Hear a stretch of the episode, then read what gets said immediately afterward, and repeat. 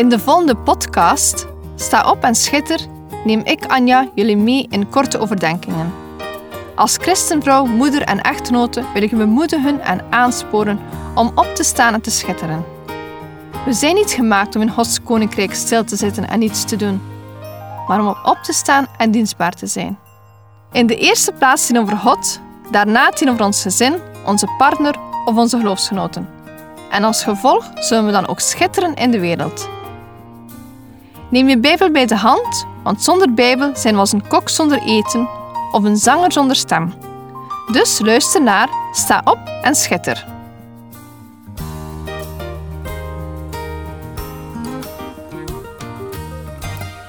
We zijn aangekomen bij uitzending 103 met als thema wapenuitrusting. Als ik denk aan een wapenuitrusting, dan denk ik direct aan oorlog. Ieder moment van de dag zijn er wel ergens in de wereld mensen die een wapenuitrusting dragen om oorlog te voeren. Ik ga het natuurlijk niet hebben over de oorlogen in de wereld, maar over de geestelijke oorlogen. Paulus heeft in een brief aan de Efeziërs over een strijd. Niet tegen mensen, maar tegen duistere overheden, machten, wereldbeheersers en boze geesten in de hemelse gewesten. Dit gaat over de duivel met zijn legermacht, gevallen engelen en demonen. Dat is niet niks. Daarom heeft God ons een wapenuitrusting ter beschikking gesteld. We vergeten het soms. Maar één ding is waar: deze geestelijke wereld is een slagveld. Dag na dag, uur na uur, is er een geestelijke oorlog bezig, met Satan als de vijand. Satan wil niets liever dan ons een nederlaag toebrengen, want zijn hoofddoel is doden en vernietigen. We bevinden ons dagelijks in oorlogsgebied en we staan er weinig bij stil. Satan speelt in deze oorlog een zeer listig spel en is eigenlijk blij als we niet actief meedoen aan deze oorlog en passief blijven in ons geestelijk leven. Wij worden opgeroepen om de wapenuitrusting aan te doen en te strijden. Maar hoe? Dat lezen we in Efeze hoofdstuk 6, versen 11 tot met 17, waar staat: Bekleed u met de hele wapenuitrusting van God, omdat u stand kunt houden tegen de listige verleidingen van de duivel. Want wij hebben de strijd niet tegen vlees en bloed, maar tegen de overheden, tegen de machten, tegen de wereldbeheersers van de duisternis van dit tijdperk, tegen de geestelijke machten van het kwaad in de hemelse gewesten. Neem daarom de hele wapenuitrusting van God aan, omdat u weerstand kunt bieden op de dag van het kwaad. Na alles gedaan te hebben, stand kunt houden. Houd dan stand, uw middel omhort met de waarheid en bekleed met het borstharnas van de gerechtigheid en de voeten geschoeid met bereidheid van het evangelie van de vrede.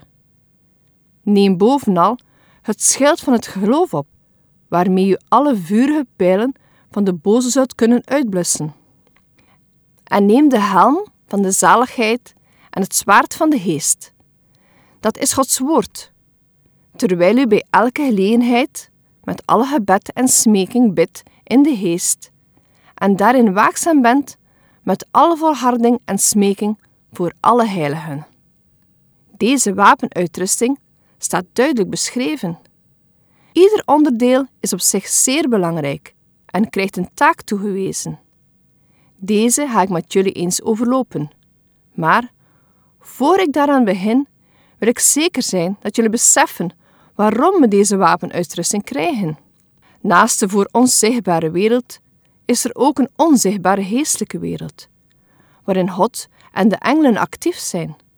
Hoewel wij de geestelijke wereld niet kunnen zien, weten we vanuit de Bijbel dat het een realiteit is. Wij zien dus maar een deel van de werkelijkheid om ons heen. Misschien zitten nu op dit moment wel engelen naast jou. Of staat er rond jouw huis een legermacht om jou te beschermen? In 2 Koningen 6, versen 15 tot met 17, kunnen we daar een voorbeeld van vinden. Daar staat: De dienaar van de man Gods stond heel vroeg op en ging naar buiten. En zie, Een leger met paarden en strijdwagens omringde de stad. Toen zei zijn knecht tegen hem: Ach, mijn heer, wat moeten wij doen? Hij zei: Wees niet bevreesd, want die bij ons zijn, zijn meer dan die bij hen zijn. En Elisa bad en zei: Heere, open toch zijn ogen, zodat hij ziet. En de Heere opende de ogen van de knecht, zodat hij zag. En zie, de berg was vol paarden en strijdwagens van vuur rondom Elisa. Nu beseffen dat er naast een zichtbare aardse strijden ook geestelijke, niet zichtbare strijden aan de hand zijn, kunnen we van start gaan met het bekijken van de wapenuitrusting die we daarvoor te beschikking krijgen. We krijgen een opdracht. Doe de wapenuitrusting aan. Het is dus niet God en zijn engelen die onze strijd gaan strijden, terwijl we lekker lui in de zetel liggen. Nee, we krijgen een opdracht. Doe de wapenuitrusting aan. Of nog beter gezegd, doe de gehele wapenuitrusting aan.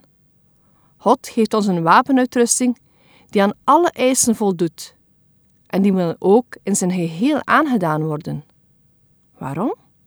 Om te kunnen standhouden tegen de verleiding van Satan. Satan zoekt naar ieder zwakke plek, want hij ons doen zondigen en zodoende weghouden van God. De eerste uitrusting. Uw middel omhort met de waarheid. Deze hordel zorgde ervoor dat de soldaten zich gemakkelijk konden verplaatsen en niet gehinderd werden door loshangende kledij.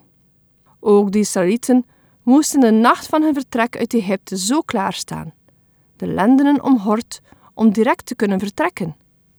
Zo moeten wij ook klaarstaan, om direct in actie te kunnen komen. De hordel die onze lenden moet omhorden, is de hordel naar waarheid. Deze waarheid staat voor Jezus. In Johannes 14, vers 6 staat: Ik ben de weg en de waarheid en het leven. Niemand komt tot de Vader dan door mij. Waarheid staat ook voor de Heilige Geest. In Johannes 14, versen 15 tot en met 17 staat: Wanneer je mij lief hebt, zult je mijn geboden bewaren. En ik zal de Vader bidden, en hij zal u een andere trooster geven, om tot een eeuwigheid bij u te zijn, de geest der waarheid. De tweede uitrusting. Bekleed met het borstharnas van de gerechtigheid. Bekleed zijn, erin leven, omhullen.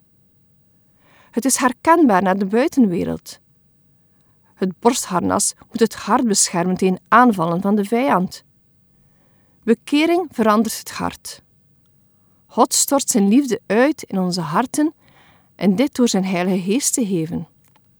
Als Satan en zijn machten zien wat er in het hart van de gelovigen leeft, zal hij er alles aan doen om dat te veranderen. Een panzer beschermt het hart. Dit is hard nodig, want de vijand wil zijn pijlen richten op ons hart. En als hij raakt, dan is de strijd meteen gedaan. Het is voor ons dus ook belangrijk dat we ons hart beschermen en dit doen we door ons hart te richten op God. De derde uitrusting. De voeten geschoeid met bereidheid van het evangelie van de vrede. We zagen dus eerst de lenden omhord en bekleed met een panzer. Wat heb je aan zo'n goede bescherming als je niet goed op je voeten staat? Als je basis niet deugt en je bij de eerste strijd je evenwicht verliest. Je hebt een goed fundament nodig en dat is het evangelie van de vrede. Van een christen wordt verwacht het evangelie te verkondigen. Het geeft ook geen zin voeten te schoeien zonder dat ze een stap verzetten. Daarom wijst het deel van de wapenuitrusting op het uitgaan. Het in beweging komen in situaties waar geen vrede is. Vrede in situaties, vrede in harten. Satan valt aan in onze gedachten. Hij zaait twijfels of beschuldigt ons zodat we het evenwicht verliezen. Wees standvastig in je geloof en besef dat God onze vrede heeft. Een vrede die de wereld niet kan geven. Als wij dan het evangelie des vredes ook werkelijk beleven en brengen, dan verliest de vijand terrein. Dan zijn we aangekomen bij de vierde uitrusting, namelijk het schild. Neem bovenal het schild van het geloof op waarmee je alle vurige pijlen van de boze zult kunnen uitblussen. Hierbij wil ik een andere bekende Bijbeltekst citeren, namelijk: Het geloof legt de grondslag voor alles waarop we hopen. Het overtuigt ons van de waarheid van wat we niet zien. Hoe moeilijk het leven ook is, geloof is zekerheid. Het schild staat dus voor onze zekerheid. Brandende pijlen zijn verwoestend. Vroeger werd er veel geschoten met brandende pijlen. Daarom werden schilden soms overtrokken met natgemaakte vachten. Als er dan brandende pijlen kwamen, kon men die doven door het natte schild op te heffen en de pijl daarop te laten neerkomen. Het schild zal de pijlen tegenhouden en ons geloof zal het vuur uitoven. Paulus schrijft: Neem het op ter hand. We moeten het schild gebruiken en niet oppoetsen aan de muur hangen. Als we vasthouden aan Gods beloften en aan Zijn woord, dan zijn we overwinnaars. De vijfde uitrusting is de helm van de zaligheid. De helm wordt op het hoofd geplaatst. Het hoofd is de zetel van ons denken, waarmee we plannen maken en besluiten actie te nemen. Satan wil ons denken veranderen, weg van God. De helm des heils of de helm van de behoudenis. De zekerheid die de helm biedt, is de zekerheid van de behoudenis welke in niemand anders is dan in Jezus. De zesde uitrusting. Het zwaard van de geest, dat is Gods woord. Voor het eerst krijgen we nu bij een aanvalswapen. Alle eerdere onderdelen waren voor de verdediging en bescherming. Moeten we dan echt aanvallen?